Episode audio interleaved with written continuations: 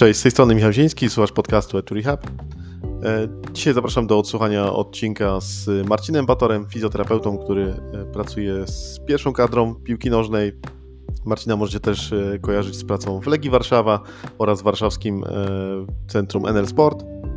Porozmawiamy o tematach związanych stricte z piłką, czyli o najczęstszych urazach, o postępowaniu, o tym jak wygląda praca z kadrą i poruszymy też temat jego, działalności, jego działalności szkoleniowej, czyli porozmawiamy o szkoleniu Art of Sports Fizjoterapii. Zachęcam do słuchania. Witam wszystkich serdecznie w kolejnym odcinku podcastu At Hub. Dzisiaj moim gościem będzie Marcin Bator, e, fizjoterapeuta, który pracuje na co dzień w piłce nożnej. Myślę, że większości osób, które śledzą ten kanał, e, Marcina nie trzeba przedstawiać, ale chciałbym, żeby, e, żebyś na wstępie powiedział kilka słów o sobie, czym się dokładnie zajmujesz, e, a później sobie omówimy to tematy. Cześć wszystkim, e, nazywam się Marcin Bator. E, obecnie jestem fizjoterapeutą w reprezentacji Polski w piłce nożnej, a także koordynatorem rehabilitacji w warszawskiej klinice NR Sport. No generalnie moje całe życie zawodowe związane jest właśnie z fizjoterapią sportową, Także tutaj e, w miarę możliwości będę chciał trochę przybliżyć tą moją e, działalność w tym obszarze. Okay, to może zacznijmy od tego, skąd pomysł w ogóle na fizjoterapię, żeby e, iść na takie studia i pracować w tym zawodzie? No, generalnie byłem tym rocznikiem, który był tym pierwszym rocznikiem gimnazjum, więc wyjdę od tego trochę, bo ta geneza sięga trochę właśnie tego czasu, że w sumie po tym gimnazjum trzeba było wybrać ten profil tego liceum, tak? E, już było, było to bardzo skonkretyzowane, a ja byłem związany trochę ze sportem. Trenowałem piłkę nożną, byłem bramkarzem, więc gdzieś tam e, jeszcze wtedy miałem jakieś tam nadzieję, że może, może gdzieś tam w ten sport pójdę, więc jakby nie przykładałem jakiejś tam super wagi do tego, jaki ten profil wybrać, więc u mnie wszyscy humaniści, więc wybrałem humanistyczny profil a dopiero potem gdzieś świadomie, jak zacząłem już y, bardziej stawiać na naukę niż na, niż na sport, wiedząc, że nic z tego nie będzie, to chciałem pójść właśnie coś, co da mi możliwość mm, jakby bycia związanym z tym sportem. I taką właśnie drogą, mm, drogę chciałem obrać, jaką była fizjoterapia. E, no jakby powodowało pewne te trudności, bo tak jak mówię, profil był humanistyczny, żeby się dostać, trzeba było trochę tam rzeczy e, dodatkowo porobić, ponadrabiać e, w tym czasie. E, ale tak naprawdę no, taka, taki pomysł pojawił się właśnie jakby przede wszystkim z tego, że trenowałem piłkę i tam jakby też nie miałem takiej opieki fizjoterapeutycznej i może też między innymi e, dlatego też ta droga sportowa była no, trudna, bo jakieś urazy, w sumie nie było, nie miał się tym zajmować, więc pomyślałem, że w sumie to jest taka, myślę, e, nisza, którą można byłoby wypełnić swoją osobą. Akurat też yy, ciekawa koncepcja to, co mówisz, bo dużo osób trafia na fizjoterapię przez to, że miał jakiś uraz, a ty myślę, że szukałeś, yy, chciałeś pomagać innym, przez to yy, zdecydowałeś się na, ten, na, na, na tą specjalizację. To też ciekawa opcja. Jeszcze tak, Dokładnie. Jeszcze tak dodam, że mm, tak wyszło, że jesteś e, trzecim bramkarzem w tym podcaście, bo oprócz e, Dawida Mieczkowskiego, e, Mateusza Oszusta, teraz doszedłeś ty jako trzeci z rozmówców, tak. także też e, może dać do myślenia dla, dla innych e, ta pozycja na boisku, która potem determinuje, co się robi. Tak, ale też nie wiem, jak tam chłopaki, no u mnie ten poziom nie był zbyt wysoki, bo ja tam doszedłem do powiedzmy wtedy aktualnie czwartej ligi, ale tej czwartej lidze, poziomie czwartej ligi e, przekonałem się jednak, że ten taki stereotyp, który gdzieś tam krąży, że ten bramkarz musi być trochę szalony, że tak powiem tutaj delikatnie, e, coś w tym musi być, bo e, ja ze swoim charakterem, czyli osoby, która gdzieś tam rozmyśla bardzo dużo, analizuje, jest taką osobą, która gdzieś tam nie potrafi wrzucić często na luz.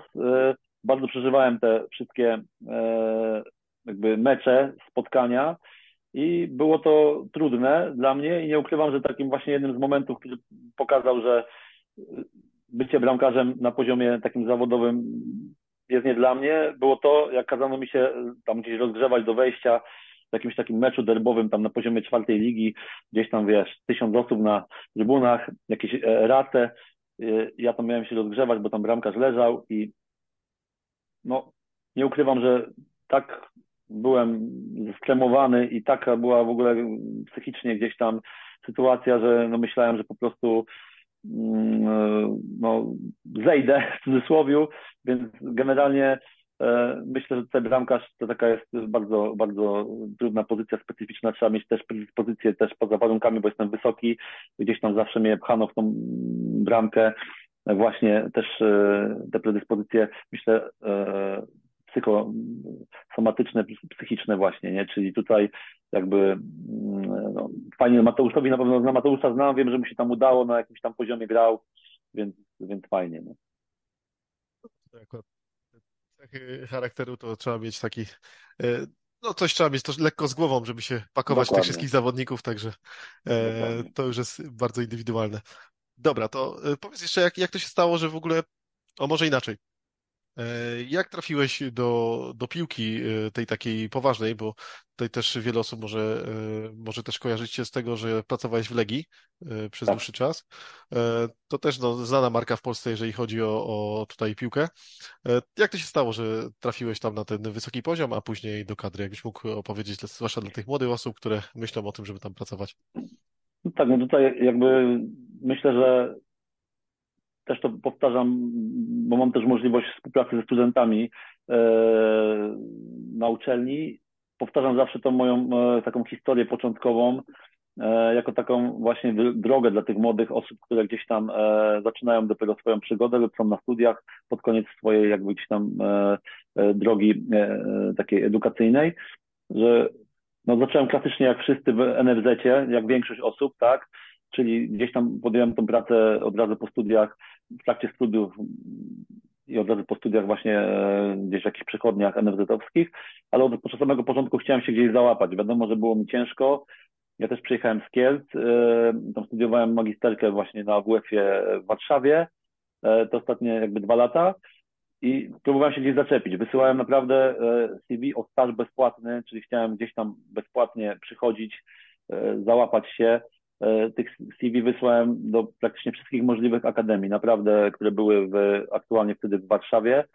E, I też stwierdziłem, że wyślę do Legii, tak? Tam był mail na stronie internetowej, pamiętam wtedy dokładnie, bo był dyrektor Mazurek jako dyrektor Akademii i dyrektor Jóźwiak wtedy. E, I były maile, wysłałem do, do wszystkich. I tak naprawdę, naprawdę jed, tylko z Legii do mnie się odezwano.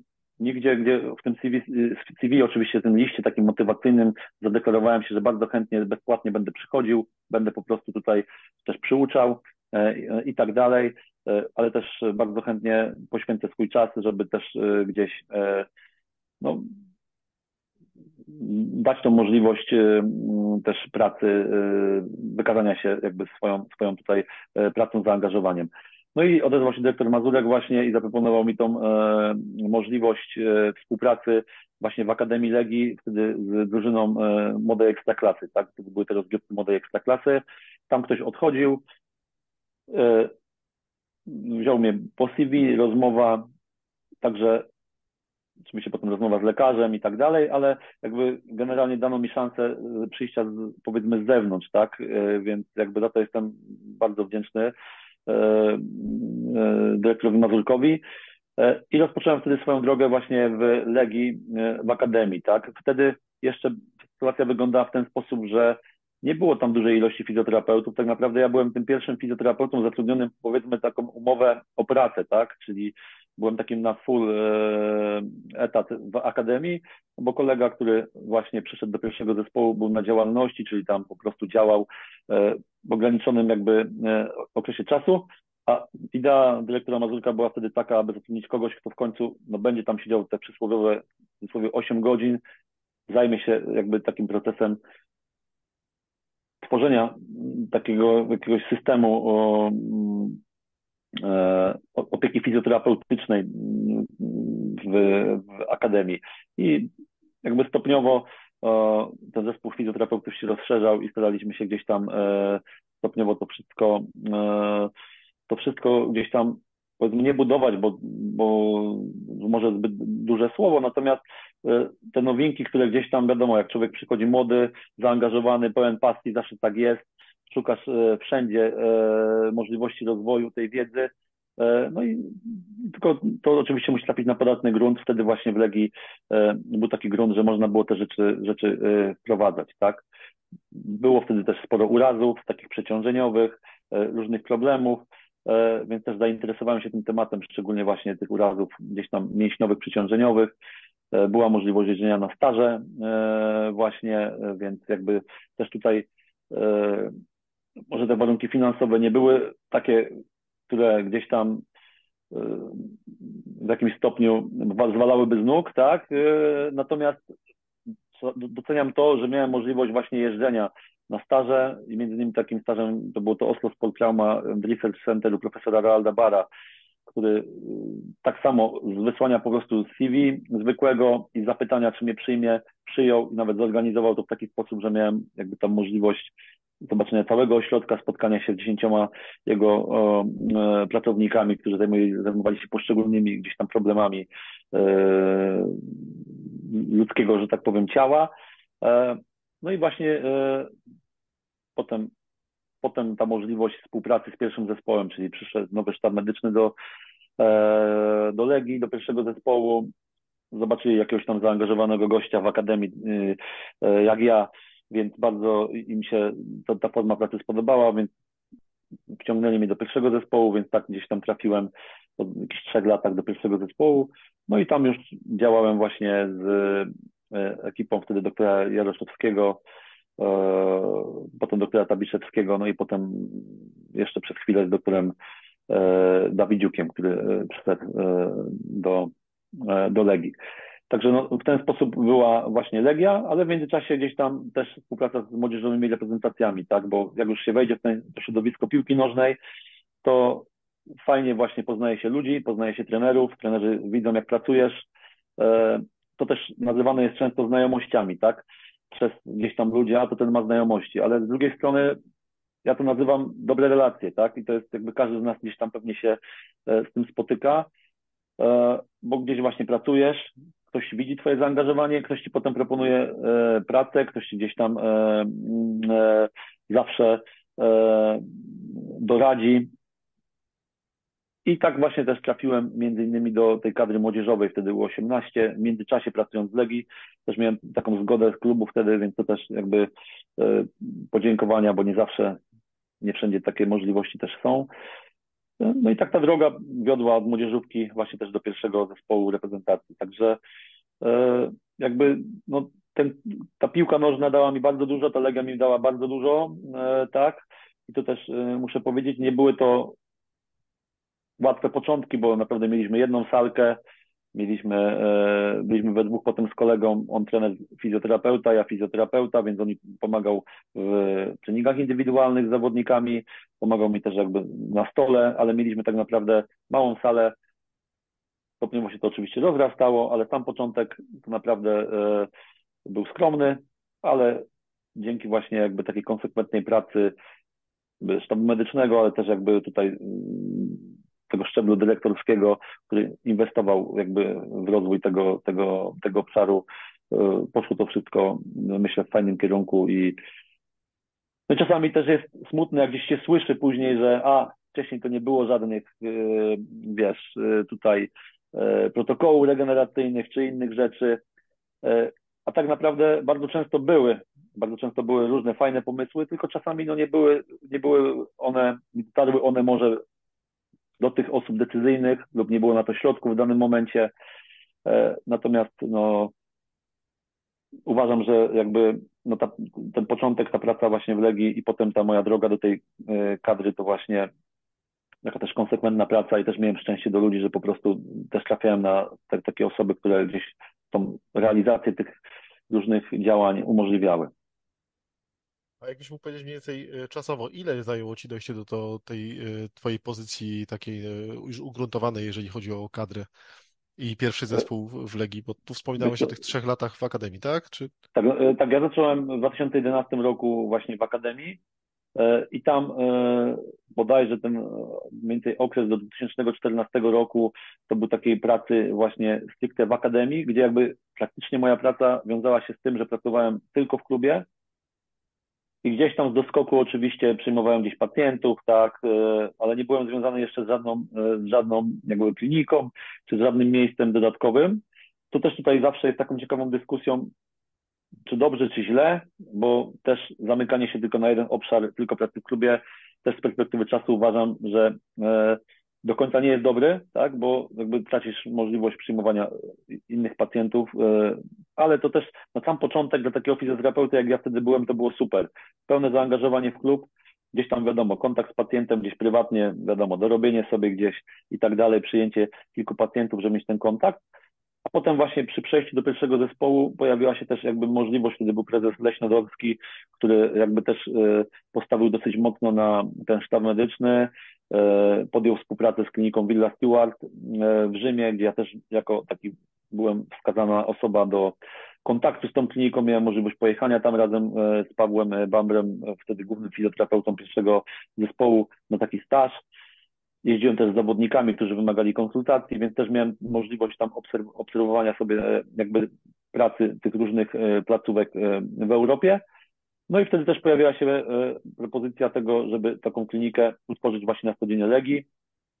I tutaj właśnie Legia we współpracy wtedy z NL Medem utworzyła taką placówkę NL Sport, gdzie właśnie sztab medyczny pierwszego zespołu wtedy, czyli dr Jaroszewski, Paweł Bamber i wtedy dr Tabiszewski jako takie trzy główne osoby y, współtworzyły powstanie tej kliniki. Ja byłem zaproszony tutaj przez Pawła do takiej współpracy i pomocy w tworzeniu tej części rehabilitacyjnej i wtedy płynnie to wszystko wyglądało i takie płynne przejście, praca w klubie i jednocześnie praca w klinice właśnie, było to ciężkie zaangażowanie czasowe, rodzinne i tak dalej, ale generalnie no to było to, taka pełna dla mnie fizjoterapia już wtedy właśnie sportowa, czyli praca zarówno przy tym zawodowym sporcie, ale jednocześnie też to doświadczenie e, tworzenia jakiegoś większego projektu, czyli tutaj w tym wypadku kliniki, e, od samego początku budowanie tej części rehabilitacyjnej, tak, więc potem łączenie tej pracy od tego 2000 e, e, bodajże 14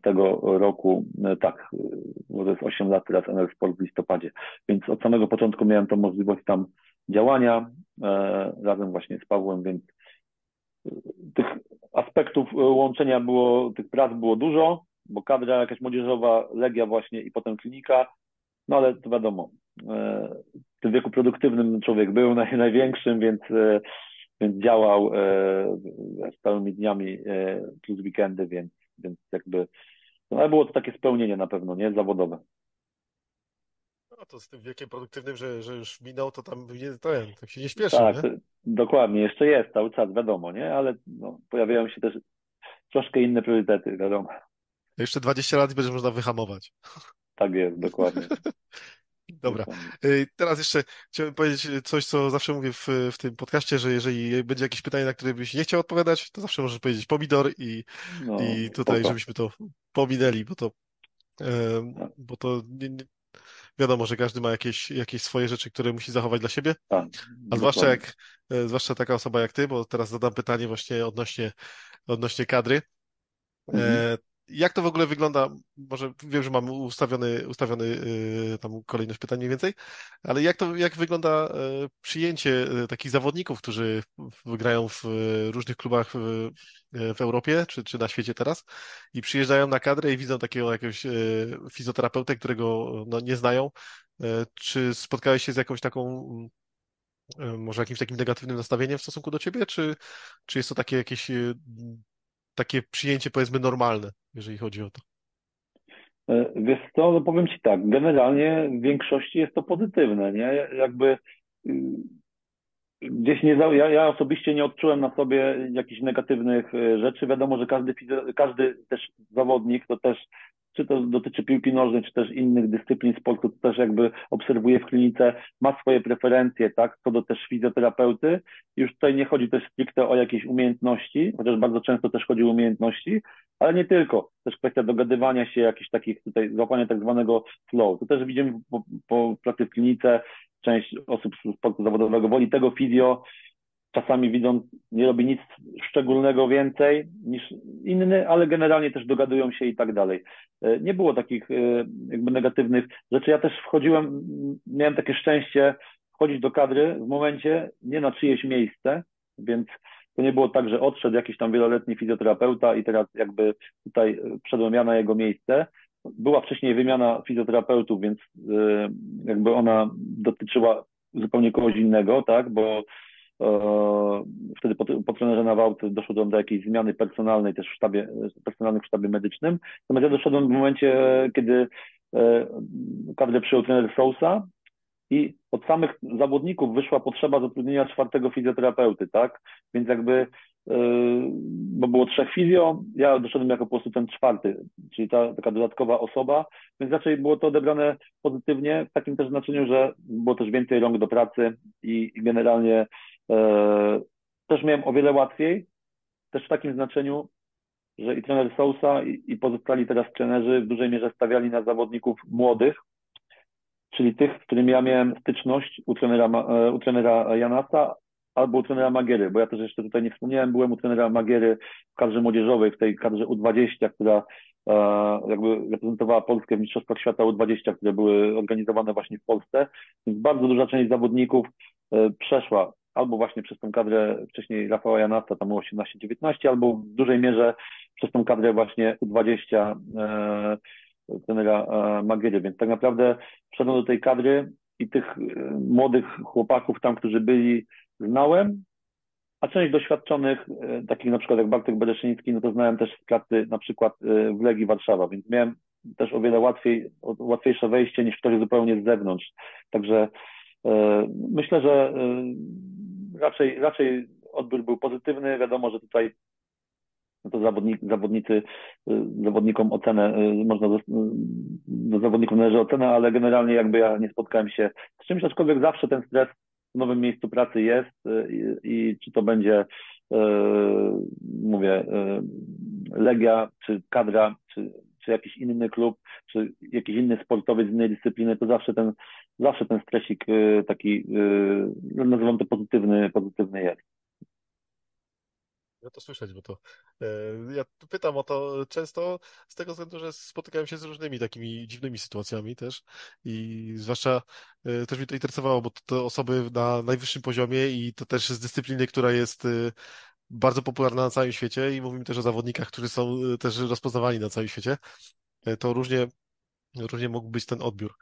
E, a tak, jeszcze, a tak jeszcze właśnie nawiązując do, do pracy y, w kadrze, powiedz mi, czy pracując w pierwszej reprezentacji y, ta praca angażuje Cię tylko na e, zgrupowaniu, czy masz jeszcze jakieś inne obowiązki w trakcie, e, pomiędzy zgrupowaniami dotyczące zawodników?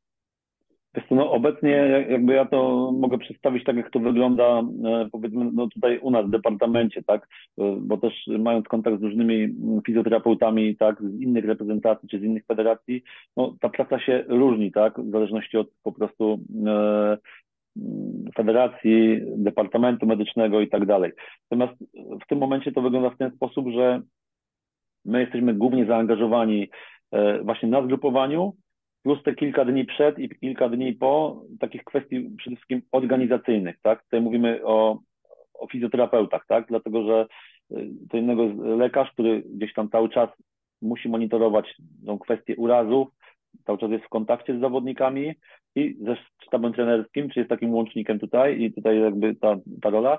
Nasza rola też, no, opiera się tą kwestię też y, organizacyjną tych, tych kilku dni przed, kilku dni e, po, czyli tutaj e, właśnie taką logistykę i planowanie właśnie e, zamówień na zgrupowanie, odnowy podczas grupowań, bo to często jest tak, że grupowanie trwa 10 dni, część dni jesteśmy gdzieś tam, nie wiem, na Wyspach Obszych, część dni tutaj, więc trzeba też tutaj zaplanować dobrze ten proces właśnie odnowy, czy takiej po prostu prostej, prostej, no, po prostu logistyki, tak, sprzętowej i, i tak dalej czy e, sprostania jakimś potrzebom indywidualnym zawodników, tak, bo to wspominałeś, to, to są zawodnicy, którzy mają swoje preferencje, są doświadczeni, e, znają swoje ciało, w dużej mierze ta świadomość tych zawodników rośnie, więc mają swoje, swego rodzaju jakieś indywidualne preferencje, jak na przykład ktoś, kto chce, e, kto używa na co dzień komory hiperbarycznej i chciałby, żeby też na wykonaniu na przykład taka komora była.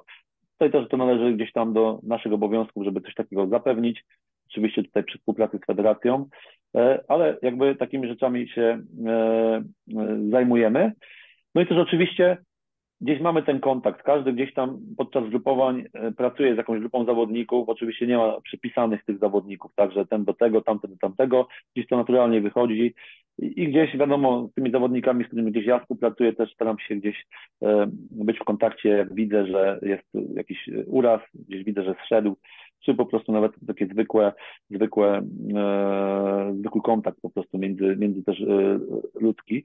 Więc tutaj jakby e, w ten sposób to wygląda, ale to już nie jest takie powiedzmy mocno, mocno e, sformalizowane, tak? Sformalizowana jest ta kwestia właśnie zgrupowań, i tych dni przed i po zgrupowaniu tych organizacyjnych, natomiast to, co jest pomiędzy, to jest e, jakby w dużej mierze obecnie należy do doktora i powiedzmy głównego tak fizjoterapeuty, tam którym jest właśnie e, Paweł Bamber, tak?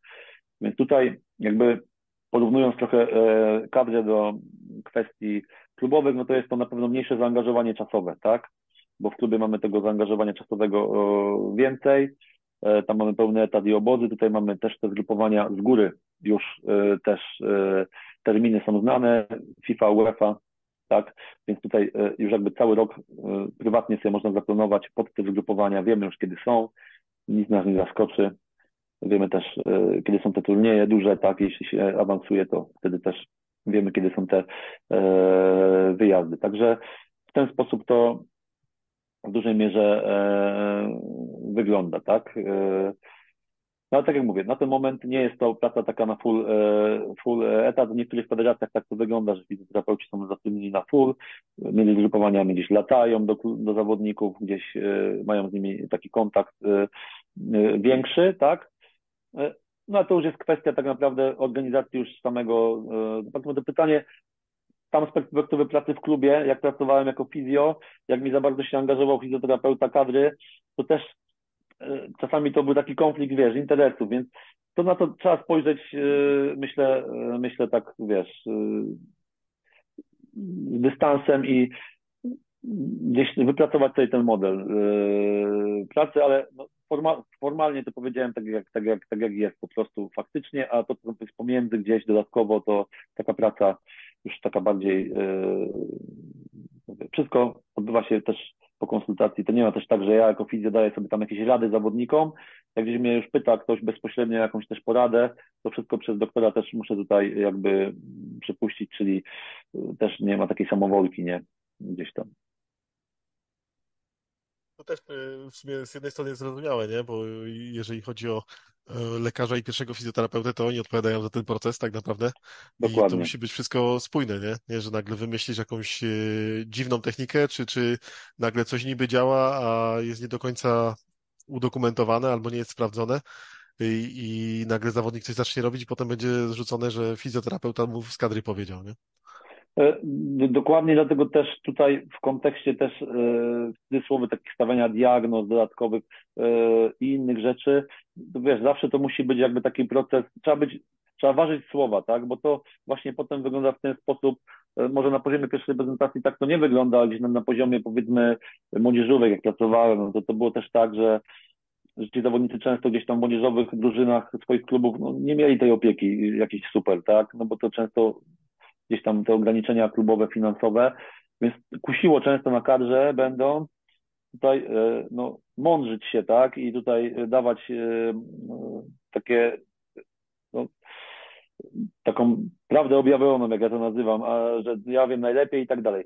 Jak coś się widzieliśmy, na szczęście, tak jak mówię, ja miałem szczęście i na poziomie też e, reprezentacji młodzieżowych współpracowania naprawdę z lekarzami, którzy gdzieś tam naprawdę mieli y, tą głowę otwartą e, i, i naprawdę jeśli też coś człowiek zauważał, przed nimi gadał, rozmawiał, e, dyskutował, to też gdzieś to, ja nie zlecałem badań, nie iść do badania, tylko zawsze starałem się w swojej pracy tak to zrobić, żeby gdzieś te rzeczy wcześniej skonsultować, nawet z lekarzem, on często to potwierdzał, to wtedy to wychodziło trochę też od, od, od, lekarza, nie, nie ode mnie tylko, że ja tam, wiesz, zlecam rezonans, czy coś, czyli to, staram się tak miarę to wypośrodkować. To jest, też uważam, że jest z mojej perspektywy potrzebne, żeby gdzieś tam e, ta hierarchia w jakimś stopniu jest, tak, i, i, i, i fajnie gdzieś tam w tym zespole działać tak, żeby żeby gdzieś tam szanować swoje kompetencje wzajemnie, tak? A czasami kusi jakby gdzieś tam, wiadomo, być tym takim tutaj, wiadomo, najważniejszym, że tutaj wiesz wszystko, a, a czasami no jednak yy, no, pokora jest też istotna. No to prawda. No, znaczy tutaj też y, czasami fajnie rzucić jakieś inne światło na to, co się dzieje.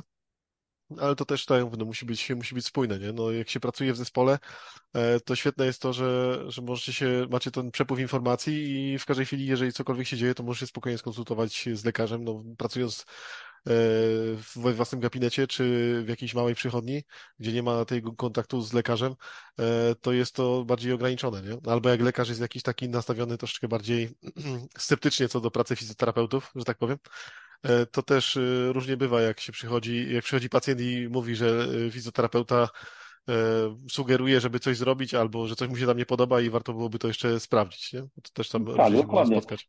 Dokładnie, dlatego ja też mówię, że miałem tą możliwość współpracy i też trzeba sobie gdzieś tam wziąć to pod uwagę, ja sobie też to biorę pod uwagę, że są osoby, które gdzieś pracują w małym gabinecie, nie mają, nie mają lekarzy wokół siebie takich, którzy, którzy mogą się gdzieś tam poradzić i ta odpowiedzialność wtedy na nich spoczywa dosyć też duża, bo muszą gdzieś tam sami ten proces leczenia, leczenia prowadzić. E, no, natomiast, no mówię, e, gdzieś tam w sporcie, takim już e, tym zawodowym z reguły mamy ten sztab troszeczkę większy i staramy się gdzieś właśnie na tyle wypracować sobie ten podział kompetencji swój, żeby no gdzieś każdy, każdy też mógł spełniać się też zawodowo, tak, ale gdzieś mimo wszystko najważniejsze, żeby było to zdrowie tego sportowca i ten proces leczenia poprowadzony no, najbardziej, najlepiej, najoptymalnie, o tak bym to powiedział, nie? A jeśli tak y, Chciałem zapytać, czy po takim zgrupowaniu, na przykład jak e, zawodnik wraca do klubu, czy też wysyłacie jakieś takie raporty medyczne odnośnie tego, w jakim jest stanie, czy, czy, czy jak był jakiś drobny uraz, e, Mm, czy klub po prostu dostaje takie informacje, tak. czy to nie jest praktykowane?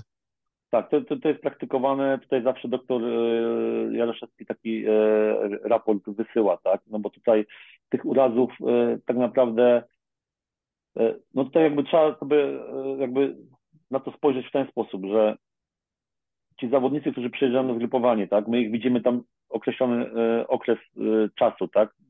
Czyli przykładowo zgrupowanie trwa 10 dni, oni przyjeżdżają z różnego rodzaju e, problemami. Tak? I tutaj jakby to można, można podzielić w ten sposób, że są to takie właśnie urazy przeciążeniowe, tak, z którymi oni przyjeżdżają e, po prostu już na zgrupowanie, tak, czyli oni walczą w klubie z tym problemem, czyli wiemy, że zawodnik X ma problem z przywodzicielem przewlekły, leczy się w klubie, jest tam jakaś diagnoza już postawiona, ale jakby jest w treningu cały czas mimo wszystko, tak, mimo tego, że gdzieś tam tą rehabilitację, e, tą fizjoterapię wykonuje, wykonuje zalecenia, e, przyjeżdża z takim problemem na kadrę e, i my też jakby działamy sobie, tak, i kontynuujemy tą pracę, więc ten kontakt przed, czy, czy, czy kontakt pod to jest jakby też, też istotny. Drugą taką grupą problemów to są te urazy ostre na zgrupowaniu, które się wydarzają, tak? Czyli po prostu e, przyjechał zdrowy, a na zgrupowaniu łapie uraz. No tutaj ten kontakt ze sztabem jest no, niezbędny, tak? Bo bardzo często sytuacja wygląda w ten sposób, że jakby no, doktora zadanie, czy nasze jest szybko postawić też diagnozę, tak? Czyli wykonujemy pierwszą pomoc, tak? Badanie, i wtedy jest konsultacja też zawsze e, tutaj już z klubem, tak? Tutaj jakby e, to się musi e, też w ten sposób odbywać, bo no wiadomo, klub tutaj jest tą instytucją, która jest, która potem będzie prowadzić to leczenie, więc ta konsultacja jest, jest niezbędna. E, więc jakby e, to, to też te, te, dwie rzeczy trzeba wziąć pod uwagę, tak? I, i, i bardzo często właśnie w kontekście tego urazów przeciążeniowych, czyli tym, tym problemami, które przy, którzy przyjeżdżają, to, to ci zawodnicy ten okres reprezentacji bardzo często wykorzystują właśnie na to, aby podreperować trochę swoje zdrowie. Bo wiemy, jak to jest w klubie, bardzo często jest tak, że jest, no nie wiem, czterech fizjo, pięciu fizjo, e, czasami jest dwóch, tak, powiedzmy gdzieś tam w mniejszych klubach, ale jest tych 25, 28 zawodników, bardzo często gdzieś tam jest życie prywatne i tak dalej ci zawodnicy często szybko, szybko do domu, uciekają, czasami tego czasu nie ma. Tutaj są na zgrupowaniu, są 10 dni, mają nas do dyspozycji, e, tego czasu wbrew pozorom, jeżeli tych wyjazdów nie ma jakichś dalekich, jest na pracę, więc wykorzystują też ten okres na to, żeby e, popracować sobie z tymi, e, rzeczami, powiedzmy, w cudzysłowie nazywałem to przewlekłymi, czyli z tymi, którymi walczą w klubie. No i potem właśnie to dla nas jest też jakby bardzo fajne, że ci zawodnicy potem łapiąc taki uraz bardzo często właśnie na kadrze, czyli przyjeżdżają zdrowi, łapią uraz na kadrze i wiemy już mimo wszystko, że nie będą mogli zagrać, to bardzo często chcą zostać na tym zgrupowaniu i z nami pracować, tak? Wykorzystać ten czas, no bo wiedzą tutaj, że e, no, będą mieć taką pełną e, opiekę, też są z jednej strony z drużyną, gdzieś tam cały czas to poczucie tego kontaktu z tą reprezentacją mają, a jednocześnie też jakby ta nasza praca jest w jakimś stopniu też doceniona, bo nie chcą od razu uciekać do klubu, bo tam mają lepszą opiekę, tylko chcą właśnie tutaj e, z nami zostać i to leczenie e, ten i w większości te kluby jakby gdzieś wyrażają zgodę na to, żeby właśnie, e, no to musi klub oczywiście też trener, trener wyrazić zgodę, tak, żeby taka, taka, taka sytuacja miała miejsce. Też fajnie to słyszeć, że jednak ten team spirit tak zwany y, funkcjonuje i zawodnik, jak coś mu się dzieje, to oczywiście zakładamy, że ten uraz nie jest taki, że wymaga szybkiej interwencji operacyjnej, y, że zostaje, tak, że zostaje tak, na tak. tej kadrze i, i, chce być z drużyną, nie? Tak. Bo to też, też tak. buduje, cał, buduje tą drużynę tak jakby, nie? Dodatkowo. Tak, tak, tak. No tutaj jakby naprawdę e, ja to dołączyłem do, do, tego sztabu, tak, ale naprawdę doktor Jaroszewski ze sztabem tak sobie to poorganizował tą pracę, ten taki backup, jak to, to też nazywamy, poza, poza jakby zgrupowaniem, czyli po, połapanie sobie e, jakby współpraca z kliniką, współpraca właśnie z tym, że mamy od razu szybko terminy na rezonans, e, USG, e, e, Mamy też e, jakby wszelkiego rodzaju potrzebę załatwienia szybko profesjonalnych badań e, związanych z jakimś tam problemem konkretnym, tak? Czyli był jakiś tam problem e, tak szeroko opisywany właśnie między innymi, e, nie wiem, e, z, tam z Karolem, tak? Czy z innymi zawodnikami, e, gdzie na przykład trzeba było załatwić specjalistę z danej jakiejś tam dziedziny, bardzo szybko jest to załatwione, czyli jakby e, tutaj to jest też taka, taki klucz też myślę e, pracy w kadrze, to jest też poza sztabem, który jest wewnątrz, też zorganizowanie sobie takiej sieci, e, sieci właśnie specjalistów z różnych tutaj dziedzin, którzy też w razie jakiejś takiej sytuacji, która wymaga bardzo szybkiego, pilnego, pilnej konsultacji e, zorganizować. I tak jakby w tym momencie właśnie w kadrze coś takiego jest, jest problem inny niż tylko ortopedyczny, bardzo szybko organizowana jest właśnie e, konsultacja, czy, czy, czy właśnie jakieś specjalistyczne badanie tej, tej innej tutaj dziedziny. A powiedz mi, z jakimi e, najczęściej urazami się spotykasz? E, spotykałeś w pracy, jeżeli chodzi o piłkę nożną, bo to myślę, że dla e, młodych fizjoterapeutów zwłaszcza może być część ta ciekawsza. Znaczy, może nie tyle, że ciekawsza, tylko ciekawa część tego, tego odcinka. Z czym się można najczęściej spotkać? Tutaj jakby to, co też wspomniałem na, na początku jest pewnego rodzaju e, taka no, specyfika tych urazów, tak, e, dotycząca właśnie piłki nożnej e, i tutaj jakby najczęściej to jakby ze statystyk gdzieś tam, które można sobie też znaleźć w publikacjach, no wiemy, że są to najczęściej jeżeli chodzi o takie urazy ostre, kwestie urazów skrętnych, tak? Czyli mamy tutaj na myśli urazy skrętne stawu skokowego, tak, e, czy urazy względne stawu kolanowego. E, czy, to są takie jakby tutaj dwie grupy najczęściej, e, jeżeli chodzi o stawy, tak. No ale znajdziemy też oczywiście problemy z biodrem czy z kręgosłupem, tutaj już bardziej takie jakieś przewlekłe. Natomiast też takim, taką grupą urazów, która bardzo często w piłce nożnej się oczywiście pojawia, są to urazy mięśniowe, tak, i one tutaj stanowią taką dużą grupę e, problemów. To też wynika między innymi też z tego, że tak jak na przykład mamy jakiś poważniejszy uraz, nie wiem, stawu skokowego czy stawu kolanowego, to jednak mimo wszystko tą przerwę e, i ten czas jakby e, powrotu do sportu zachowujemy, tak, czy, czy zawodnicy zachowują, tak w przypadku urazów mięśniowych bardzo często tam sobie najczęściej też zawodnicy sztaby no, pozwalają na swego rodzaju gdzieś takie żonglowanie tym czasem powrotu i bardzo często ci zawodnicy wracają za szybko, tak? Bo jesteśmy w stanie jako fizjoterapeuci teraz naprawdę swoimi metodami pracy bardzo szybko zdjąć dolegliwości bólowe, za czym często nie idzie to leczenie, e, ten czas gojenia się tkanki, więc e, wtedy dochodzi bardzo często do tych nawrotów urazów i tu już się wtedy pojawia, pojawia problem.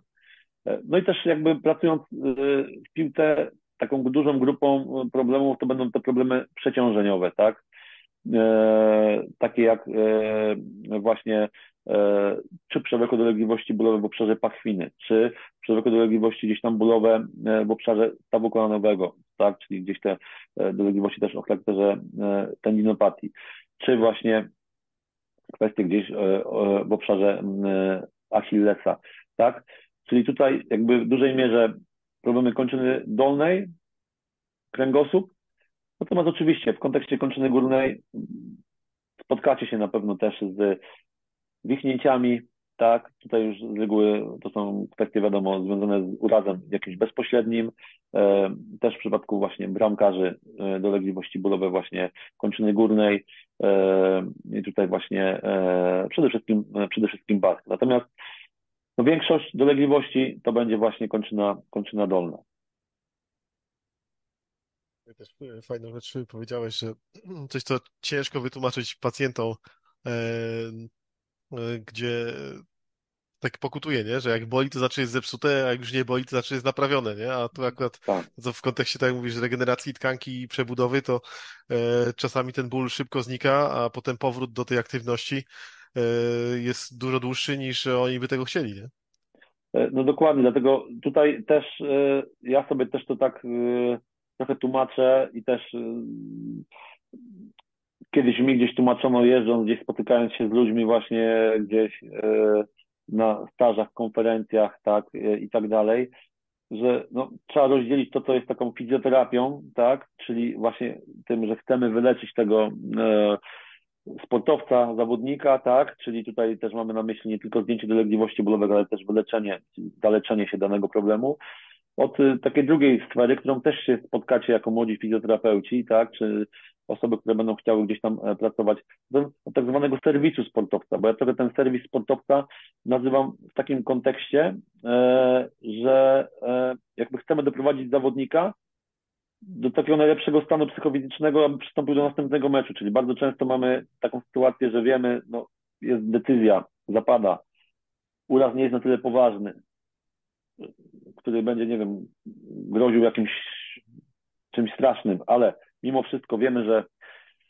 jeszcze nie wygoi nam się dana struktura, ale decyzja zapada na szczeblu sztabu medycznego, zawodnika, trenera, że taki zawodnik będzie w tym meczu grał, no to naszą rolą wtedy jest ten serwis trochę spotkania, czyli doprowadzenie go też do tego, do tego, do tego spotkania e, i, i też jakby, no, to jest czasami ta kwestia tego konfliktu całego e, między właśnie taką pracą evidence-based medicine, a taką pracą właśnie trochę w sporcie, gdzie czasami nagina się te reguły pewne, tak? E, I czy to jest dobre, czy to jest złe, to jest jakby kwestia, kwestia dyskusyjna. To, to jest kwestia jakby już do dłuższych rozważań, ale no, sport rządzi też swoimi prawami. E, oczywiście tutaj nie jestem za tym, żeby naginać e, ostro te zasady, ale bardzo często no, pracując no właśnie w sporcie spotkamy się z takimi, spotkamy się z takimi e, dylematami, e, więc jakby tutaj e, trzeba wziąć to też, też pod uwagę. Ja też słyszałem o takich historiach, gdzie e, zawodnik chciał oszukać sztab medyczny, nie? Po to, żeby zagrać w jakimś meczu, twierdził, że jest dużo lepiej niż faktycznie było. E, To też myślę, że to jest problem, który też trzeba naświetlać coraz częściej, e, bo tutaj zawierzenie tylko subiektywnej ocenie zawodnika, który chce grać i, wiadomo, że po to, po to trenuje, żeby występować w tych wszystkich meczach, no, może się potem skończyć dużo gorzej niż to, żeby odpuścił chociaż jeden mecz, nie? Oczywiście, tutaj jakby musimy wziąć pod uwagę e, zawsze e, perspektywę, e, różną perspektywę pracując ze sportowcem, tak? Czyli tutaj mam na myśli właśnie wziąć, musimy pod uwagę perspektywę sportowca oczywiście w pierwszej kolejności, czyli tego, że on może chcieć grać albo nie chcieć grać, tak? To, to jest pierwsza rzecz. Druga rzecz jest taka, że może on mieć uraz, nie chce o tym powiedzieć, że coś mu się dzieje, dlatego że na przykład jest w takim etapie swojej kariery, że za chwileczkę będzie podpisywał jak, jak, jak, jakiś kontrakt, tak? Będzie chciał pokazać, że jest zdrowy, że gra, tak? Czy nie wiem, będzie, patrząc już też przez pryzmat tylko zarobkowy, będzie chciał, czym więcej meczów zagra, ma jakąś tam dodatkową premię, tak? Za jakąś tam wejściówkę i tak dalej. Tutaj mówimy o klubie już, tak? Nie będzie chciał stracić tego miejsca w składzie, bo wie, że jak teraz odpuści, to już tutaj ktoś czeka na jego, na jego miejsce. E, więc jakby takich motywacji zawodnika, e, motywacji może być e, wiele. Ale też musimy wziąć pod uwagę, że będziemy mieć też perspektywę właśnie też na przykład dyrektora sportowego, czy, czy właśnie trenera, który gdzieś tam będzie też czasami chciał. Tutaj mówimy przede wszystkim właśnie o klubie, tak? Żeby dany zawodnik no, zagrał, bo nie wiem, jego posada wisi na włosku, musi mieć wszystkich najlepszych w danym momencie zawodników i nawet mimo kontuzji dawaj zagramy, nie? I podejmiemy to ryzyko. Więc jakby tych perspektyw e, e, jest e, kilka, też perspektywy klubu trzeba pamiętać, są dyrektorzy sportowi, nie wiem, jakieś tam plany wobec różnych zawodników, na przykład transferowe, dajmy zawodnikowi grać, niech gra, chcemy, żeby się pokazał, bo może, może go sprzedamy, tak, jak będzie miał, no i tutaj jakby tych kwestii y, jest, y, jest kilka, więc jakby to, powiedziałeś, często jest tak, że zawodnik sam z siebie y, nie powie, że ma jakiś problem, bo chce zagrać w meczu, tak, ale też bardzo często te, te, te kwestie są też inne. No i my musimy starać się gdzieś tam jako ten sztab medyczny, no czasami właśnie też tą drugą stronę zobaczyć i po prostu no, być czujnym, tak, bo, bo bardzo często no, nie, nie jesteśmy w stanie takiej diagnozy podstawić od, od razu, tak, potrzebujemy badań, czasu, a, a czasami tego czasu brakuje. Celowo o tym wspomniałem, bo kurczę, myślę, że te osoby, które E, nie mają styczności jeszcze ze sportem, nawet tam na poziomie amatorskim, to jeszcze nie, nie wiedzą, że, znaczy nie, nie wiedzieć, że takie zjawisko występuje i to jest czasami taka gra, e, takie balansowanie na ostrzu noża, nie? Że potem trzeba zapłacić tą cenę, powiedzmy 100 razy się uda i zawodnik zagra, a za 101 razem coś nie pójdzie i, i może skończyć sezon albo skończyć karierę, nie? Przez, przez to, co się może stać, nie? Oczywiście, dlatego, dlatego jakby też wspomniałem właśnie o tej kwestii tego świata, e, tego evidence-based medicine, a tej takiej trochę praktyki e, fizjoterapii e, w tym wypadku w sporcie, że no, bardzo często, no mówię, to, to wszystko troszeczkę rządzi się różnymi prawami, tak, i e, fajnie mieć tą wiedzę, ja to mówię, zawsze podkreślam, fajnie mieć tą wiedzę, wiemy, jak wyleczyć pewien problem przewlekły, tak, e, tak jak na przykład ja bardzo często i bardzo dużo zawodników e, do mnie przyjdzie z problemami przewlekłej dolegliwości bólowych pachwiny, bo to jest taki, powiedzmy gdzieś tam też mój konik e, i jak ja im przedstawiam to, jak te protokoły wyglądają, jak dużo, jak, jak, jaką dużą ilość czasu muszą poświęcić do tego powrotu, to oni mówią, nie, to ja nie mam trzech miesięcy na to, żeby to, żeby to robić, tak? E, więc są pewne, musimy trochę rzeczy modyfikować. Czasami musimy gdzieś tam wejść w to, stosować różne, różne, różne rozwiązania. Yy, i generalnie po prostu trzeba do tego, tak mówię, podejść, starać się podejść dystansem, przynajmniej ja tak staram się do tego podchodzić. Bardzo lubię słuchać yy, tutaj właśnie fizjoterapeutów gdzieś tam, którzy pracują tylko według tego modelu, E, i to jest jakby e, super rzecz też ich posłuchać e, i tak dalej. Choć znam jednego takiego znanego, też właśnie jedną taką osobę znaną z naszego świadka, która właśnie fajnie udziela się ze, w kwestii evidence-based medicine, ale w praktyce potem kiedyś zderzyła się ze sportem i to wiem i też kiedyś sobie dyskutowaliśmy i ten, że no, tam faktycznie nie do końca się dało się wszystko przenieść jeden do jednego, tak? E, no bo, no bo nie, nie dało się, więc e, jest to tak e, jakby trzeba znaleźć taki no, złoty środek, jak tak, tak trochę nazywam, tak? Nie chcę mówić o jakimś tam practice-based medicine i tak dalej, są te różne nazewnictwa tutaj podawane, ale no jakby e, faktycznie to połączenie badań naukowych, e, własnego doświadczenia, ale też tego, tych, tych, tych oczekiwań sportowca, tych, tych wartości jakichś tutaj, które, które są, jest taki miks trochę tego wszystkiego, tak? Wzięcie tej perspektywy, tak jak mówię, szerszej pod uwagę i, i po prostu no nie chcemy krzywdzić, tak? Nie chcemy na pewno zaszkodzić. To jest jakby taka podstawowa zasada, a tam, gdzie jesteśmy w stanie pomóc, to, to po prostu staramy się e, jakby to, to robić. Tutaj też no nie będziemy się czarować. No, dużo też wynika z doświadczenia i przy, jak przepracujesz ileś tam przypadków i widzisz, e, w jakim ktoś jest stanie, to teoretycznie możesz e, prognozować, czy, czy to się uda, czy nie. A, a z, tak jeszcze wracając do tego, co mówisz, że ktoś nie ma trzech miesięcy, to też nie wiem, czy to też w piłce pokutuje. Znaczy pokutuje, no też się śmieją, że leczy to się między sezonami, nie? A nie, a nie w trakcie sezonu. Tak, tylko że wtedy między sezonami to, to chcą zawodnicy wyjeżdżać, tak, na urlopy i wtedy jakby tego leczenia e, też na to leczenie e, nie ma, nie ma czasu. Ale to, co na pewno trzeba powiedzieć i tutaj jakby e, ja też chciałbym to, to wykorzystać, możliwość tutaj e, pojawienia się, że naprawdę świadomość, świadomość e, w piłce nożnej, bo ten stereotyp mi się wydaje, że jeszcze funkcjonuje. Ja też widzę w pacjentach w klinice, jak widzę, że mam tam, mam tam piłkarza, on sobie gdzieś tam już potem robi swoje tam rzeczy i tam ma pacjent, następnego pacjenta, on tam mi mówi, no tutaj ci piłkarze, coś tam, ten taki stereotyp, że oni gdzieś tam imprezują, e, nie dbają o siebie często i tak dalej, tak, przynajmniej mówimy tutaj o polskim ogródku, tak, e, to jest tak, e, zawsze to, ja tak zawsze to, to słyszę, no bo ci, nie wiem, zobaczcie jak ci nie, piłkarze ręczni, siatkarze, e, nie wiem, lekkoatleci pracują, a ten piłkarz to godzinę trening i, i do domu, to tutaj chciałem trochę to też zdementować, przynajmniej już z tego, co ja mogę obserwować na takim poziomie. Wiadomo, tutaj obserwuję też, ten, mam to szczęście ten wysoki poziom obserwować.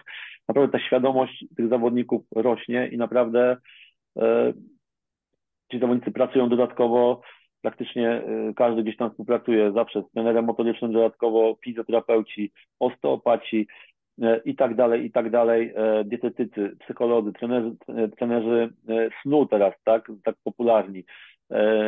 Naprawdę czasami teraz moja rola polega na tym, żeby troszkę zluzować pewne działania niektórych zawodników, bo robią tego czasami za dużo po prostu, tak, nawet do tego stopnia, więc y, ta świadomość, świadomość rośnie i, i to jest też jakby taki, myślę, bardzo tutaj e, też dla młodych fizjo fajna informacja, bo ten start będą mieć e, na pewno e, z jednej strony fajna, bo start będą mieć taki, że trafią na świadomego tego sportowca, ale z drugiej strony trudna pod tym kątem, że jak ja zaczynałem, to nie musiałem na początku specjalnie jakichś cudów robić. To już było i tak w tej Akademii Legii wtedy dużo, a, a teraz ci zawodnicy przez to, że współpracują bardzo dużo, mają świadomość swojego ciała, problemów, chodzą do fizjoterapeutów, współpracują, są w stanie dosyć szybko już wyczuć, kto jest dobrym terapeutą, a kto troszkę mniej e, doświadczonym, powiedzmy, i tak dalej, nie? Więc tutaj e, to też trzeba wziąć pod uwagę. O tym też jeszcze w dobie tej, e, że tak powiem, mediów społecznościowych i przepływu informacji e, zobaczysz, że jakiś zawodnik pracuje, e, że z zawodnikiem pracują w taki sposób, to nagle będą wszyscy chcieli tak pracować i, i tak. będą się wymagać tej pracy, a może akurat to jest w ogóle niepotrzebne dla danej osoby, ale nie mają tej świadomości, że coś, coś jest wyrwane z kontekstu, nie? No, dokładnie. E, dokładnie teraz takim e, popularnym, nie wiem, wideo, nie wiem czy widziałeś, e, było to, to wideo Neymara, które robi teraz taką w cudzysłowie, ja mówię taką furorę, ale to taką bardziej negatywną furorę, tak? Gdzie tam mm, dla tych, którzy nie widzieli, to to warto sobie gdzieś tam odszukać, jak właśnie fizjoterapeuta pracował po tam operacji rekonstrukcji węzłowo przedniego nad zgięciem, bardzo dosyć taką agresywnymi technikami, byśmy tutaj powiedzieli. E, no i też wiadomo, że nie wyglądało to dobrze, to wideo, tak? Nie znamy kontekstu, nie wiemy, tak? Ja też czasami w swojej pracy yy, miałem przyjemność, nieprzyjemność pracować mocniej nad zgięciem, gdy sytuacja tego wymagała, lub na przykład, gdy sytuacja była taka, że wiedzieliśmy, że albo będzie ponowny, ponowny zabieg albo może pójdzie, może nie pójdzie, spróbujmy troszeczkę mocniej. Oczywiście nie aż tak jak na wideo, tak, ale jakby no nie znamy kontekstu, e, Natomiast generalnie, no, to co powiedziałeś, nawiązuje do tego, że gdzieś coś widzimy, to akurat ten był negatywny taki przykład, tak, ale czasami widzimy coś i zaczynamy to, to wdrażać.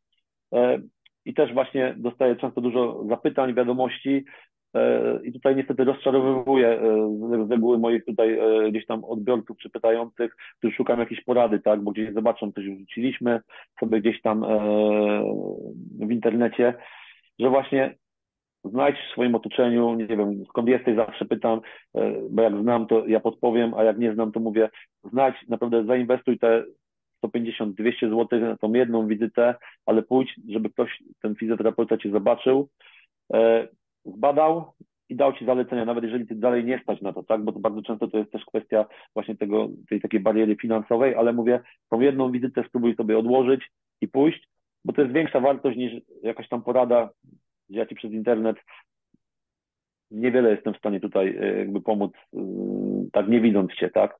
Nie mogąc zbadać. To każdy z nas, jak gdzieś tam funkcjonuje w tym, w tym internecie, to wcześniej czy później spotka się z czymś, z czymś takim, gdzie yy ja też w sobie pełnię taką rolę pośrednika, tak jak tak wspominasz, bo, bo też czasami trafiają osoby, piszą do mnie osoby jakieś, nie wiem, z, z drugiego końca Polski, a Dokładnie. nie, nie znając y, całego, całej historii, no nie da się zrobić y, rehabilitacji online, przynajmniej w, według mnie to już takiego, nie, nie, coś takiego nie, nie funkcjonuje jak rehabilitacja, czy tam telerehabilitacja, e, bez, bez badania, nie? To też e, tak jak mówisz, no warto zawsze zainwestować w tą, w tą wizytę. No, te, I też trzeba się zastanowić też, do, do kogo się idzie czasami, bo tak jak mówisz, no, tak jak wspominałeś tutaj o koledze, który ma do, dobre mm, zaplecze wiedzy, jeżeli chodzi o to, jak to wszystko powinno wyglądać, a w zderzeniu ze sportem, no to, to się ma nijak czasami, nie? Tak, y, dokładnie. A tutaj też właśnie też y, w kontekście y, też chciałem powiedzieć właśnie tego, że tego jeszcze EBM-u i tak, i tak dalej, że też często podaję przykład swojej, znaczy swojej kliniki, kliniki, w której ja pracuję, tak, obecnie. Mam y, jakby tam możliwość y, działania, mamy tam już prawie 20 fizjoterapeutów i naprawdę tam nie narzucamy ludziom form pracy, tak, i naprawdę są fizjoterapeuci, którzy bardziej stawiają na te kwestie stricte EBM-owskie, tak, tutaj e, są takie bardziej właśnie fizjosportowi, trochę z pogranicza, tak, trochę też agresywnie pracujący, ale są też tacy, jak, y, którzy już kończą osteopatię i pracują już stricte gdzieś tam głównie na, na, na stole i tak dalej. Każdy z nich ma gdzieś te grafiki pełne, każdy gdzieś tam znajduje. To jest inny profil pacjenta zupełnie. Inny profil pacjenta jest u kolegi, który jest, y, już zaraz będzie osteopatą, inny y, profil pacjenta jest u, u kogoś, kto tam bardziej stricte pracuje EBM inny u tam fizjotrenera motorycznego, ale gdzieś tam ci ludzie znajdują e, to, znajdują grupę odbiorców i przede wszystkim są skuteczni w tym, bo jeden i drugi jest skuteczny w tej perspektywie czasu, tak? Już nie mówię tutaj o sporcie, ale jakby ten, więc jakby takie też staram się zawsze z dystansem do tego podchodzić z mówieniem, że tak, to jest najwłaściwsza droga, inna jest y, zła, bo patrząc nawet po tym własnym ogródku tutaj y, codziennej pracy, E, naprawdę e, te drogi do dojścia e, do, do tego celu są, są różne i jakby już tak z perspektywy czasu wiadomo, ja też wychodzę z założenia, czym mniej tego bólu zadamy temu pacjentowi, a osiągniemy cel, tym, tym, tym wydaje mi się, że jest to lepsze, tak? Więc już też, też jakby trochę z takiej perspektywy czasu to mogę, mogę tak jakby powiedzieć ze swojej strony. Żaden z nas nie jest sadystą, nie? Wykonujemy Dokładnie. To, to, to, co trzeba, no. Ale czasami dokładnie. jest nieprzyjemnie, no to. Dokładnie, bywa. dokładnie. Czasami to, to tak się dzieje, dokładnie. Yy, okej, okay. a jeszcze chciałem zapytać, jak sobie radzisz w ogóle z, z presją, nie? Bo teraz yy, myślę, że też o tym trzeba otwarcie mówić. Yy, bo pracując na wysokim szczeblu, te oczekiwania są dużo większe niż pracując z osobami, które chcą wrócić do jakiejś tam spokojnej aktywności, to jest zupełnie co innego niż jak ktoś y, żyje z, z uprawiania sportu, nie? Czy, czy e, masz jakiś, y, czy spotykasz się z tym, że masz jakąś dużą presję na sobie, y, czy tego nie, czy tego nie ma? E, wiadomo, że generalnie e, na poziomie, nie wiem, kadry, jeżeli przychodzi zawodnik i prowadzimy go, bo za trzy dni jest mecz, jest jakiś ból, diagnostycznie nie ma jakiegoś tam wielkiego problemu w kontekście, nie wiem, uszkodzenia struktury, ale są dolegliwości i mamy trzy dni, żeby je zdjąć, no to zależy Ci na tym, żeby to się wydarzyło. E, więc jest taki e, ten e, delikatny stresik. Czasami trzeba gdzieś tam wtedy właśnie zastosować pewne jakieś tam powiedzmy bardziej agresywne metody, tak jak na przykład, nie wiem, suche igłowanie, tak? Gdzie powiedzmy zawsze ta reakcja tego pacjenta jest różna, wiemy o tym, na to suche igłowanie, tak? Ja zawsze też pytam zawodnika, czy próbę miał, tak? Bardzo często potem już wiem, jak zrobiłem, że ten, ale czasami jest tak, że robisz komuś pierwszy raz, czy to jest pacjent generalnie, czy to jest nie wiem, sportowiec amator, który się szykuje do, do półmaratonu i dla niego to jest sens życia, teraz w tym pobiec, a ty mu robisz igły i on po tych igłach, kurde, zamiast lepiej to czuje się gorzej. I wiesz, też masz nawet nie nazwał tego jakąś presją, tylko takim lekkim e, pozytywnym stresikiem. Przepraszam. Także e, takich rzeczy e, myślę, że, że nie ma e, większych, nie problemów tak jak już wspominałeś wcześniej, że w kadrze to może być troszeczkę mniej, bo już wiadomo, kto przyjeżdża, nie? I, i to jest też jakieś tam okienko? Dokładnie, dokładnie. Więc, więc tutaj jest jakby e, w kadrze już tych zawodników też poznajesz, więc jakby takiej presji większej większej nie ma. Bardziej myślę, że e, naprawdę to zawodnicy tutaj są pod tą presją i też ten aspekt trzeba wziąć pod uwagę. E, pracy naszej, bo element psychosomatyki ma bardzo duże znaczenie w naszej pracy i tutaj jakby w tą presję to pytanie bym odwrócił w tym aspekcie, żeby też właśnie e, wyczuć tego zawodnika. Bardzo dużo teraz mamy tą ilość pacjentów e, w tym, w tym aspekcie takiego powiedzmy stresu, tak? Tutaj chciałem się odnieść, bo oczywiście wiadomo, że ktoś powie, że presja znowu, ja tutaj już kiedyś dyskutowałem z moim kolegą, takim trenerem mentalnym, e, który pracuje ze sportem, że właśnie słowa, słowa powiedzmy takie słynne Mateusza Borka są często gdzieś tam e, się pojawiają w internecie, że tam presję to mają, wiadomo, nie? E, bardzo często ludzie w ogóle po, lubią e, ten przykład e, podawać, że tam presję to ma wiadomo matka, która musi wykarmić dzieci, czy tam ojciec, e, który musi zarabiać na wiadomo, na, na dzieciaki gdzieś w kopalni i tak dalej a sportowcy no to się bawią, nie? Jakby wiadomo, że to jest jakby. Natomiast no oczywiście zgadzam się, że tak jest też, natomiast no, nie możemy też powiedzieć, że zawodnicy nie, nie, nie są pod taką presją i, i generalnie e, oczywiście zarabiają duże pieniądze i tak dalej, ale no, stresują się, są poddawani ocenie. E, wiele tych czynników właśnie psychosomatycznych e, się pojawia, to potem też znajduje ujście bardzo często właśnie na stole, czy właśnie w organizmie, tak? Czyli czujemy to właśnie pracując e, z mięśniami, czy, czy dlatego też myślę coraz bardziej tutaj takie podejście to takie holistyczne, osteopatyczne, wielu zawodników pracuje właśnie i szuka gdzieś też takiej powiedzmy tej terapii powiedzmy takiej spokojnej, e, nieagresywnej, e, tylko właśnie takiej e, w cudzysłowie wyciszającej tej pracy na tym układzie, układzie nerwowym. Więc tutaj raczej my fizjo, pozytywny taki stres bym nazwał to, patrząc tutaj po sobie, ale gdzieś tam jest, jest wiadomo, ta, ta presja czasu, bym powiedział tutaj, że, żeby się wyrobić, żeby gdzieś tam ten cel jakiś tutaj postawiony przez sztab medyczny jakby zrealizować i przez zawodnika, a raczej taka presja poważna to sportowcy i potem jakby ta praca właśnie, ten charakter psychosomatyki, tak, żeby gdzieś tam e, wziąć pod uwagę też ten aspekt. A jeszcze chciałem zapytać, bo wspominałeś, że odbyłeś troszeczkę tych staży i, i tutaj wyjazdu na, na rozmów z osobami, które pracują w innych krajach. E, to teraz takie kluczowe pytanie. Myślę, że to, to jest tak e, coś, co może e, nas interesować z punktu widzenia fizjoterapii. Jak my wypadamy jako fizjoterapeuci na, na tle reszty świata? Czy dalej jest ten, jak to jest taki, taki mit tego polskiego fizjoterapeuty, polskiego inżyniera, że jest świetny, czy, czy jednak to zderzenie ze światem jest, że tak powiem, twarde? Nie, no, powiem Ci tak, ja to mogę powiedzieć o, o perspektywie e, jakby takiej e pracy głównie w fizjoterapii sportowej, tak tutaj bym chciał się do tego odnieść, no to tutaj mo można powiedzieć z czystym sumieniem, że na pewno naprawdę nie mamy się czego wstydzić, bo tutaj w kontekście tego, jakie my mamy szkolenia, czy my, się zajmujemy jako fizjoterapeuci, tak, jako grupa zawodowa, no tak jak my się szkolimy i tak jak my tyle, tyle ile my też kasy e, jako grupa zawodowa e, przeznaczamy na takie szkolenia dodatkowe po studiach, to naprawdę, e, nie wiem, statystyk nie widziałem, ale myślę, że na, na pewno bylibyśmy gdzieś wysoko, wysoko gdzieś w czołówce. Natomiast to, co na pewno ja widzę, czego my nie robimy, to my się nie chwalimy naszymi działaniami na zewnątrz, czyli na przykład jest konferencja e, jakaś duża, sportowa, e, czy w ogóle e, zagraniczna, bardzo mało jest tam fizjoterapeutów z Polski. Teraz się to zmienia, teraz już tych osób jest trochę, pojawiają się i tak dalej.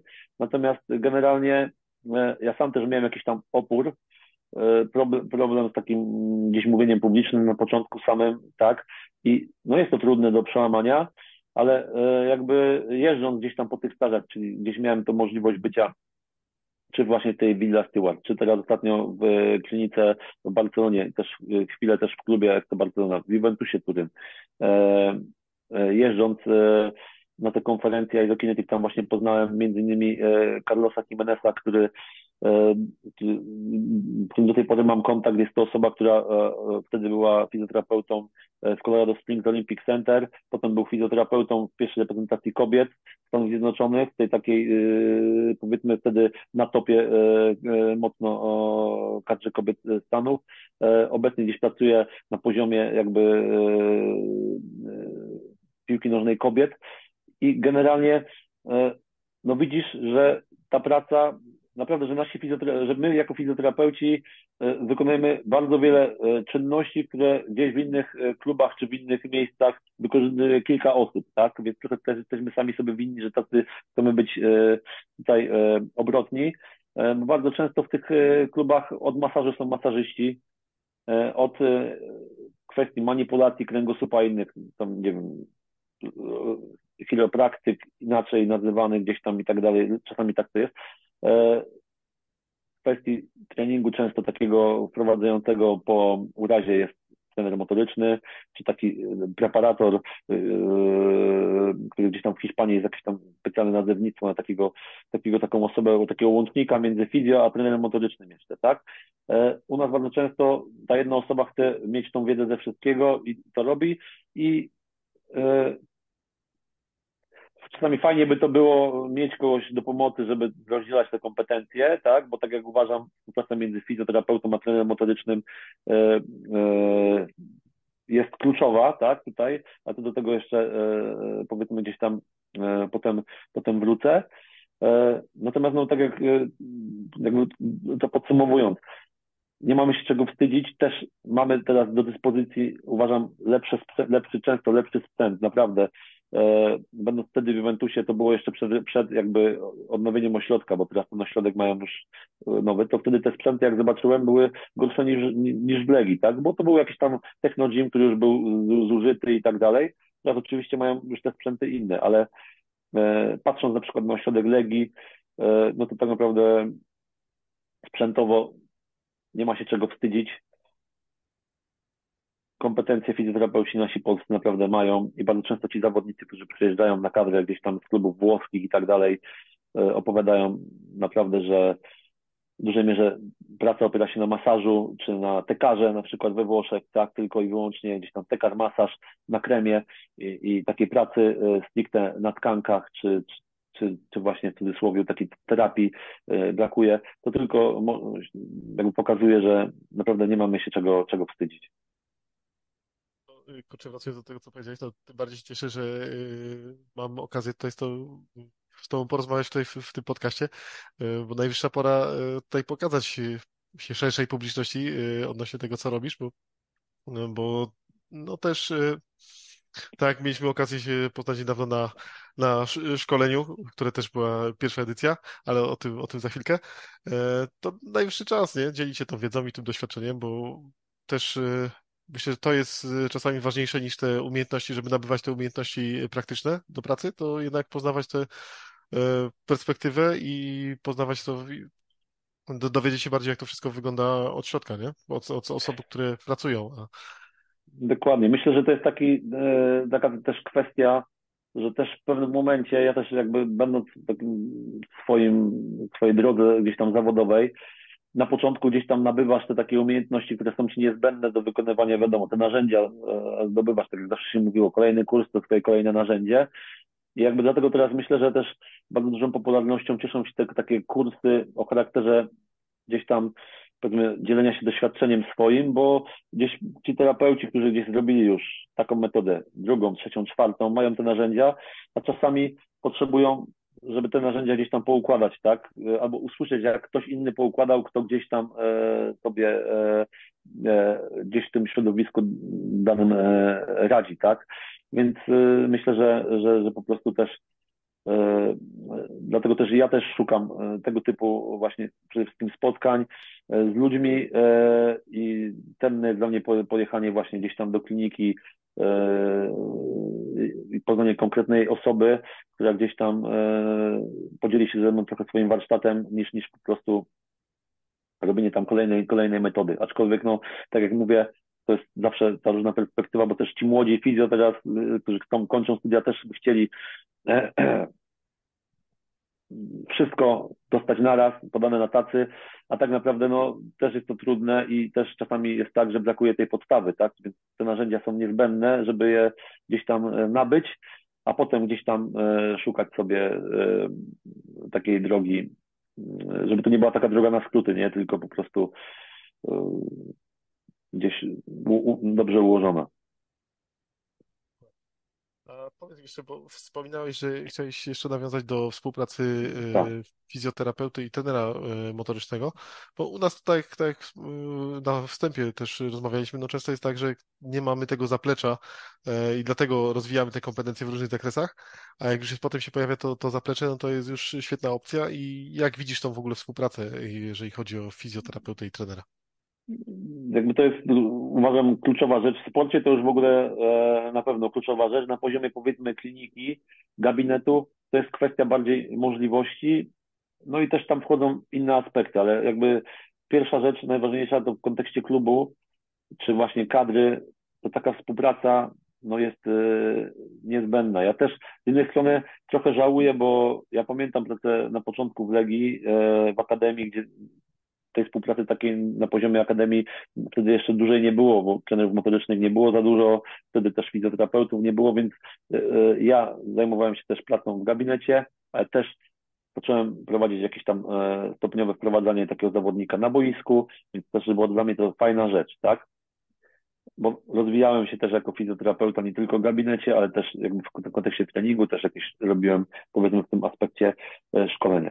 Ale potem, kiedy już ten sztab się powiększał, miałem możliwość korzystania też ze współpracy z e, trenerami motorycznymi, e, no wtedy jakby część tych kompetencji trzeba było oddać, tak? I e, na początku było to trudne, bo człowiek chciał pewne rzeczy robić, ale no widział, że w tym aspekcie jest ktoś, kto, kto, kto ma przede wszystkim czasami może nie, nie, nie mieć większej wiedzy w aspekcie, nie wiem, nie wiadomo jakim tutaj, jak to rozpatrując, bo Chodzi o takie spojrzenie, e, e, inne, inne spojrzenie.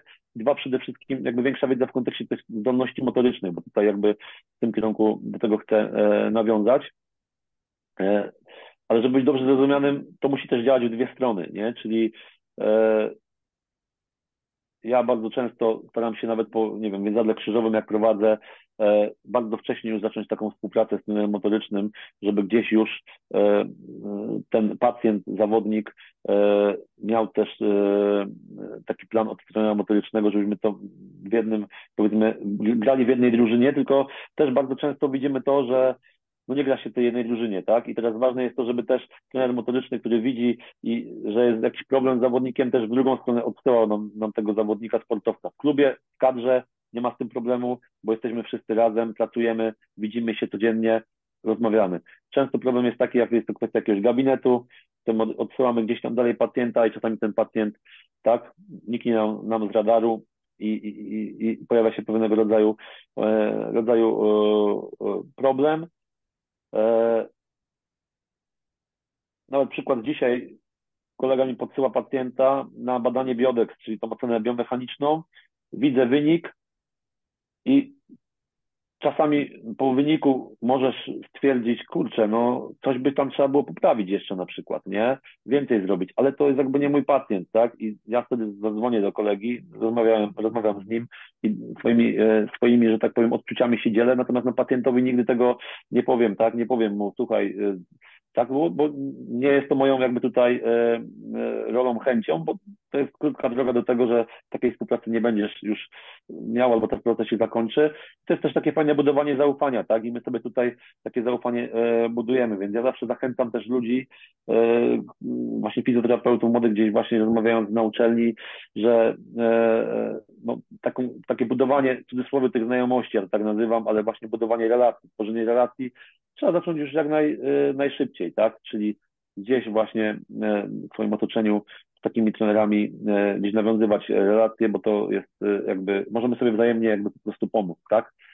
E, tylko też tutaj ty też działasz, tak, w zakresie też treningu, motoryki, gdzieś prowadzisz też te rozmowy z trenerami i też jakby sam wiesz, znasz środowisko, że tak jak i fizjoterapeutów, też ważne jest na kogo trafisz, tak, bardzo często, nie, i nasz zawód już fizjoterapeuty z jednej strony już jest uregulowany, mamy ten, tak w kontekście jakby trenerów medycznych, personalnych i tak dalej, bo jeszcze tej regulacji yy, tego co wiem, to nie ma żadnej chyba, nie? I, i po prostu dokładnie. I tutaj jakby często możesz trafić na kogoś, kto jest tylko po kilku kursach, albo kogoś, kto, nie wiem, skończył uczelnię, nie wiem, jakiś AWF, poszedł w kursy i często gdzieś tam no, te kompetencje ma, ma, ma większe. Ale ta współpraca jest bardzo ważna z takiej mojej perspektywy tutaj.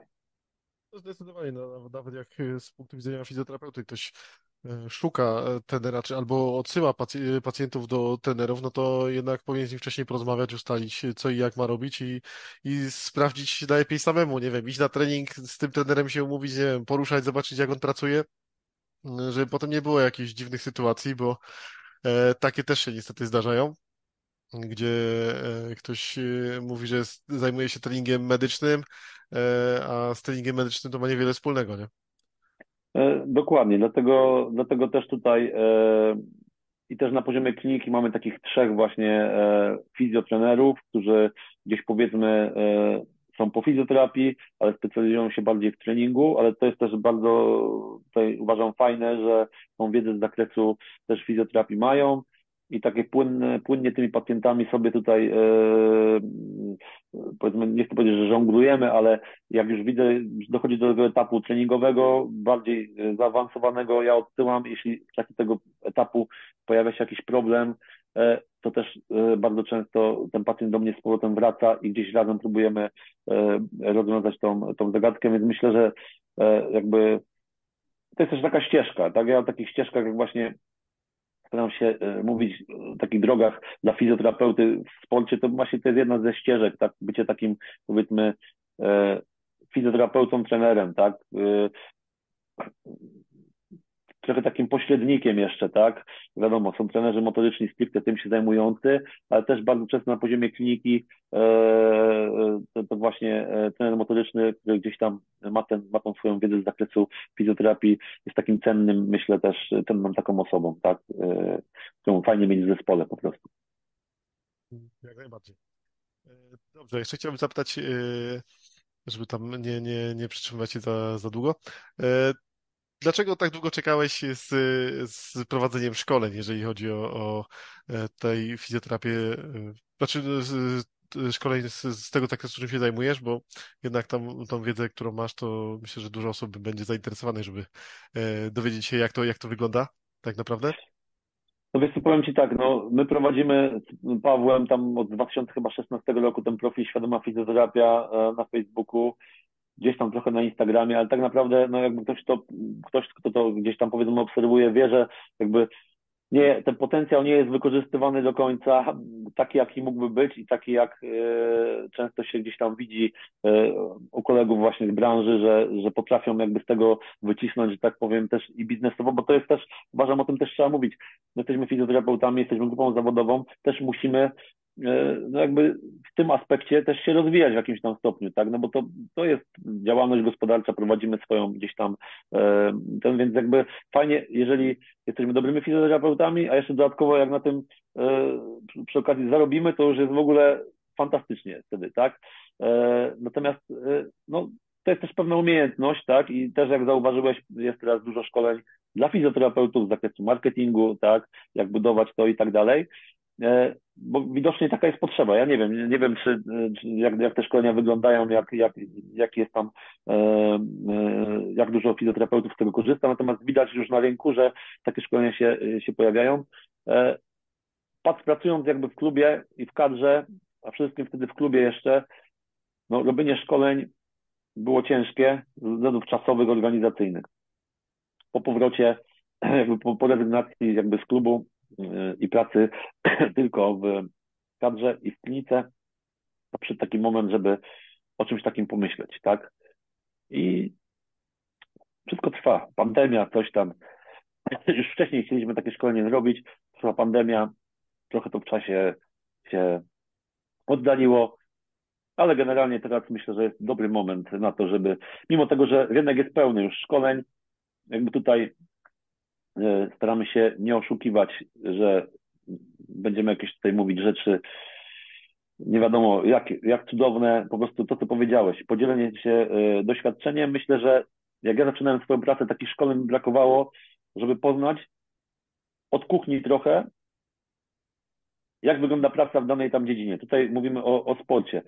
E, to myślę, co nas wyróżnia, to jest to, że jesteśmy faktycznie praktykami. Ja mówię to sobie też jestem praktykiem, e, że pracowałem od akademii po pierwszy zespół, po, po z innymi dyscyplinami sportu, że faktycznie jestem osobą, która to praktykowała. Też się oczywiście wahaliśmy, może trzeba zrobić szkolenie już kilkumodułowe i tak, iść to wszystko i tak dalej, ale właśnie chodziło o to, żeby pokazać tą drogę, E, dla fizjoterapeutów, czy w ogóle też chcą w to iść, tak? Część osób też fajnie przychodzi, którzy są doświadczeni, chcą też zobaczyć, tak e, gdzieś tam często też się utwierdzić w przekonaniu, że działają tak jak ktoś, kto, kto prowadzi to szkolenie. E, natomiast jakby na razie chcemy stworzyć taki program, który ma za zadanie pokazanie tej, tej ścieżki, właśnie jak wygląda ta fizjoterapia sportowa, trochę pokazanie tych kulis, tak, tej, tego cudzysłowie zapachu szatni, e, pokazanie właśnie, e, co też, czym też zajmuje się fizjoterapeuta e, pracujący, pracujący w sporcie, więc do tego też trzeba dojrzeć, trzeba takiej umiejętności sobie gdzieś tam odszukać, odważyć się, mówić publicznie, pójść, skonfrontować się też z innymi fizjoterapeutami, bo wchodząc takie szkolenie, patrząc, co się na nie zapisuje, tak teraz już zbieramy zapisy na trzecią edycję, widzę, że zapisują się osoby naprawdę E, z jednej strony to schlebia, że takie osoby się zapisują, bo są to osoby znane w branży gdzieś tam, które e, działają i mają wiedzę naprawdę super. Z drugiej strony jest to swego rodzaju gdzieś tam taki lekki stresik, też taka konfrontacja swoich, że tak powiem tutaj e, no gdzieś tam tych poglądów i, i, i gdzieś tych rzeczy, więc no, to trzeba być na to gotowym, tak? Trzeba, trzeba czuć się swobodnie w tym, trzeba się nastawić na to, że że, że takie, e, e, takie też rzeczy będą miały miejsce, że też nie wszystkim dogodzisz, nie wszystkim, e, nie wszyscy będą szczęśliwi, zadowoleni. Zawsze się znajdą osoby, które no nie będą z tego tytułu zadowolone, czy nie będą zadowolone z programu, nie wiem, coś im się nie będzie podobało, gdzieś coś napiszą w internecie później, czy coś, na razie po pierwszej edycji się na szczęście tak coś nie zdarzyło, ale jakby trzeba gdzieś to przepracować w głowie, nie? To jest jakby nie, nie zmieniałem takiego charakteru. Tak jak Ci wspomniałem na początku, z tym bramkarzem. Ja wszystko analizowałem, jak jakiś błąd popełniłem, to potem siedziałem tydzień i, i po prostu spać nie mogłem, analizowałem, jak, jakby puściłem jakąś szmatę, mówiąc brzydko e, i wiedziałem, że kurczę, no głowa nie dojeżdża. I tutaj mam podobnie, nie, że, że, że wiesz, jakby człowiek chciałby być perfekcjonistą, dogodzić wszystkim, a wiem, że tak nie będzie, więc jakby długo mi zajęło to, żeby e, e, odważyć się na to i odpalić tego typu, tego typu szkolenie, ale jestem zadowolony i, i że wszystkim, e, przede wszystkim się odważyłem wykonać ten krok i, i generalnie no, działamy dalej. Działamy dalej z kolegą tutaj Wojciechem, który ma takie bardziej doświadczenie kliniczne, ale też jakby dużo przyjmuje pacjentów, sportowców, ale właśnie na poziomie gabinetu, bo jakby idea jest taka, żeby nie pokazać tylko tej strefy sportowej, tylko pracy w klubie czy pracy w kadrze, ale też pokazać taką codzienną robotę, którą się wykonuje też e, w gabinecie, więc myślę, że to jest taki fajny, fajny miks. E, tyle, no oczywiście. E, chętnych zapraszamy i, i, i tyle tutaj mogę powiedzieć. Jak wspominałeś, to fajne jest to, że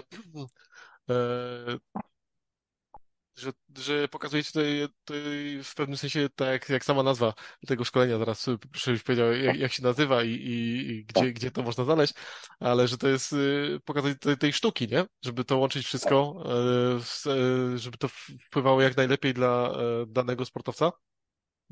A tutaj to, co, to, co jeszcze wspominałeś, że te osoby się zapisują, no to też nie będziemy się czarować, że jak dochodzisz do e, pracy z pierwszą kadrą jeszcze sportu narodowego, no to każdy, kto pracuje w tym sporcie, czy tam się ociera o piłkę nożną, bo to jest jednak e, dużo osób e, trafia, czy to amatorów, czy z niższego poziomu rozgrywkowego, czy, czy z wysokiego, to wcześniej czy później człowiek chce zobaczyć, jak, jak się pracuje na tym najwyższym poziomie.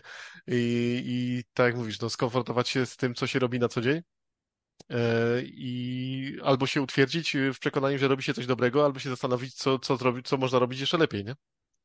No, dokładnie, dlatego też tutaj wiadomo, że e, to pojęcie e, tej fizjoterapii sportowej jest bardzo szerokie. Nie da się jej zrobić bez treningu, tak jak wspomniałem, motorycznego, bez tego programowania treningu, powiedzmy też siłowego. Już mówimy tutaj o poziomie też jakby fizjoterapii, dlatego też tutaj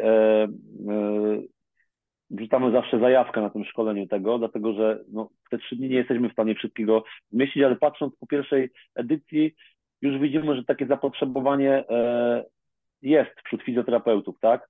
A, aby e, tą wiedzę z zakresu też programowania treningu e, właśnie siłowego, czy, czy, czy programowania tych zdolności motorycznych, tak, na poziomie kontuzjowanego czy pacjenta, czy zawodnika. Tutaj mówimy o, o, o tym poziomie, nie mówimy tutaj o zdrowym, zdrowej osobie, która chce gdzieś tam pewne rzeczy zrobić, bo to oczywiście kierujemy do tutaj trenerów.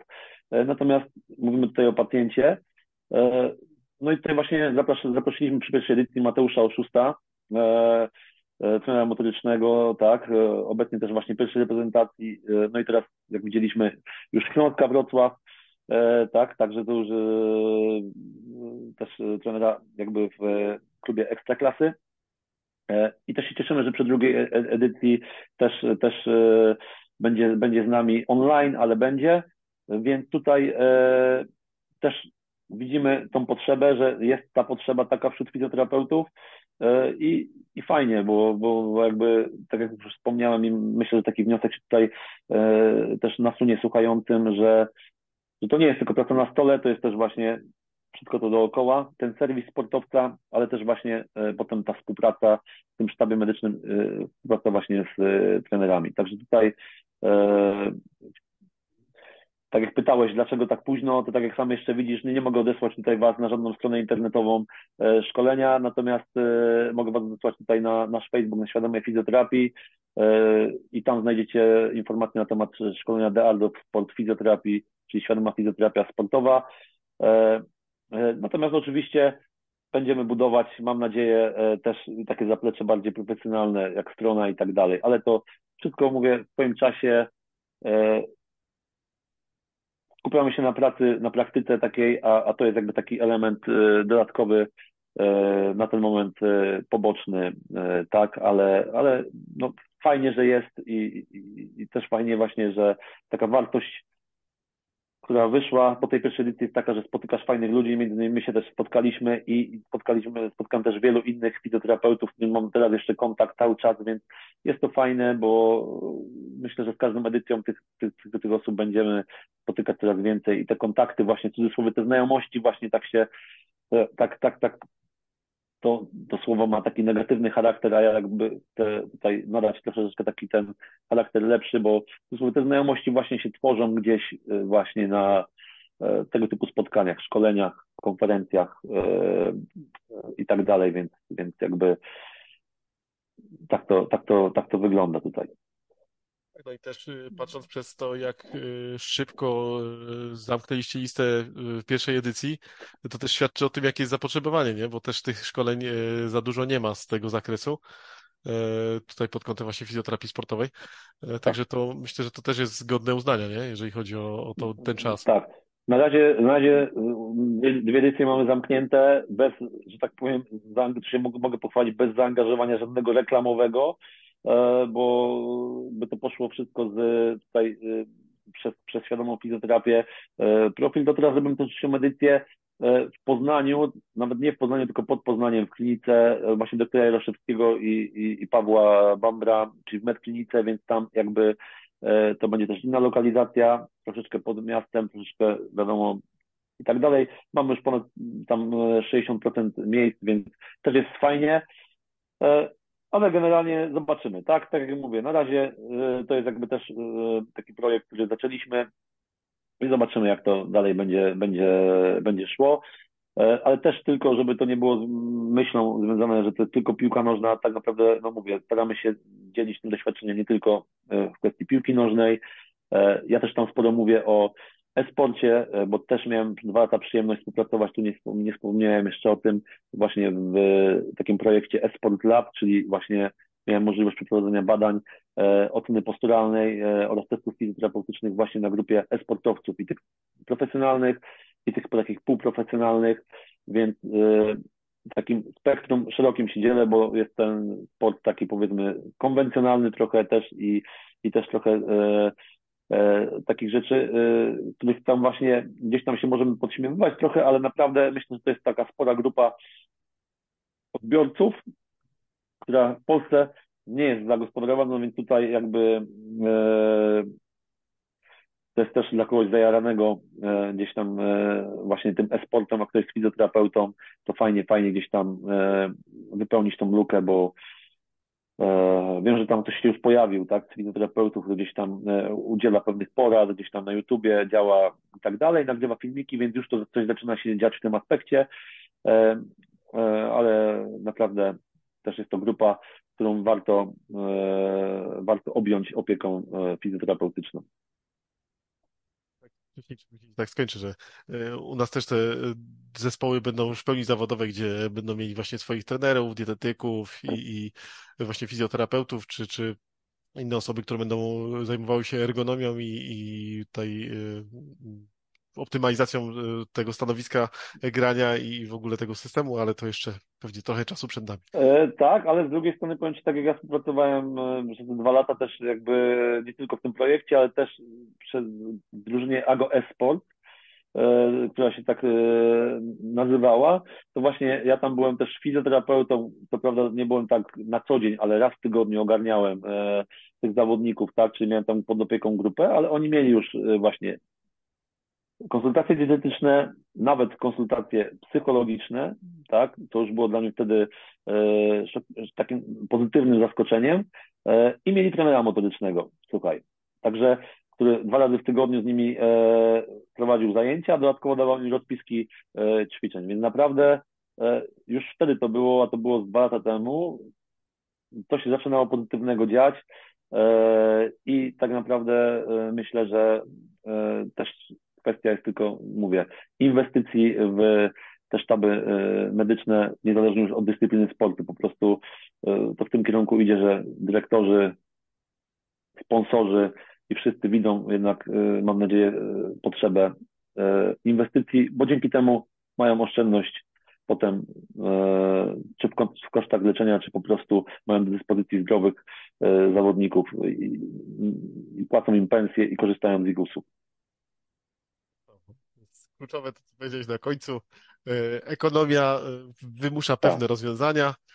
Oczywiście. Aczkolwiek w sporcie zawodowym, tak jak to widać, fizjoterapia i przygotowanie motoryczne zrobiło gigantyczny krok do przodu, a urazów Dokładnie. nie ubywa, a wręcz inaczej, wręcz przeciwnie, przybywa, ale to też Dokładnie. jest związane z tym, z, tak jak rozmawialiśmy na, na szkoleniu, z intensywnością grania i z częstotliwością. Dokładnie. Dokładnie. E, ale to już temat też na, na inną Dokładnie, tu tych czynników jest bardzo dużo, więc tutaj jakby e, możemy się tylko cieszyć, że na pewno zapotrzebowanie na nasze usługi będzie, tak, w sporcie, więc jakby tutaj zachęcam też e, właśnie młodych e, fizjoterapeutów, czy osoby, które gdzieś tam zastanawiają się nad swoją ścieżką, e, co dalej, żeby właśnie gdzieś sobie mm, rozważyć tą, tą drogę właśnie ortopedyczno-sportową, tak to gdzieś tam nazwał, tak, bo jest to na pewno ciekawa, satysfakcjonująca e, jakby droga, tak, którą można jako fizjoterapeuta przebyć sobie. Słuchaj, to co wspomniałeś. Ciekawa to jest bardzo dobre określenie e, tego wszystkiego. Tak jest, tak jest. E, dokładnie. Super. Dziękuję Ci, Marcin, za to, że wziąłeś udział, za przyjąłeś zaproszenie do tego podcastu. Teraz jeszcze Dzięki. przypomnij wszystkim, gdzie można Cię znaleźć, co można od Ciebie kupić, chociaż już wspominałeś o tym szkoleniu, ale jak jeszcze mógł przypomnieć, to... to tak, to prowadzimy profil razem tutaj właśnie z Pawłem Bambrem, z obecnie, który właśnie pracuje w, w Poznaniu, w medklinice i też jest głównym fizjoterapeutą kadry, profil Świadoma Fizjoterapia. Tam tak naprawdę to jest to miejsce, gdzie staramy się w miarę na bieżąco e, wrzucać pewne jakieś tam zajawki, może nie rozwijamy tego w jakiś sposób taki bardzo komercyjny, natomiast generalnie artykuły naukowe, gdzieś tam dzielenie się naszym doświadczeniem, e, różne ciekawostki, nowinki zawsze na bieżąco e, wrzucamy. E, I tak naprawdę tam, gdzie znajdziecie informacje o tym naszym e, szkoleniu, Dardo e, Sport Fizjoterapii, które tutaj razem z Wojciechem Dogołęckim z Lechat Fizjoterapia e, prowadzę. Natomiast tak jak mówię, no więcej do sprzedania nic nie mam, także tutaj jakby tyle mogę powiedzieć od siebie tutaj. Liczyłem, że jeszcze jakieś Opla pociśniesz albo coś takiego. Nie? Nie, nie, nie. Na, na, razie, na razie nic nie opracowałem, żadnych tutaj narzędzi, które można tutaj e, opchnąć, więc e, może na to przyjdzie czas, kiedy. Tak jest. Mówię tak e, żartobliwie. E, nie pozostaje mi z innego, jak życzyć powodzenia i trzymam kciuki za to, żeby ten projekt się jeszcze bardziej rozwijał. E, pod kątem właśnie tutaj szkoleń i, i, kolejnych, y, kolejnych szkoleń, które myślę, że to jest kwestia czasu, kiedy powstaną. E, podejrzewam, że to jest tylko jedno, jedno z, później z całego wachlarza, tak jak wspomniałeś, że jest to zapotrzebowanie duże na e, tutaj szkolenia około fizjoterapii sportowej i tego treningu bardziej, czy, czy treningu motorycznego. Także trzymam kciuki na rozwój tego projektu i żeby te listy Dzięki. się zamykały y, no już dużo, dużo szybciej, nie? No, dzięki oczywiście, tak. Y, no, zobaczymy. Tutaj mówię spokojnie, tak. Tutaj wiadomo, naprawdę widząc potencjał, chciałoby się powiedzieć, rzucam coś, swoją robotę i zajmuję się tym, ale naprawdę łączenie tych wszystkich rzeczy nie jest takie proste. E, a jednak mimo wszystko na pierwszym miejscu stawiam tą pracę, e, powiedzmy, praktyka, póki jeszcze zdrowie pozwala, e, czyli praca z pacjentem, ze sportowcem, a to na razie jako taki element dodatkowy, aczkolwiek pewnie tak jak wspomniałeś, może to kiedyś w przyszłości te proporcje się zmienią. Dobrze, to tak jakby, no trzymam kciuki, Dzięki. Za, za to, Dziękuję za rozmowę. Rozwijało. I dziękuję za udział, także do zobaczenia. Dzięki. Cześć. Cześć.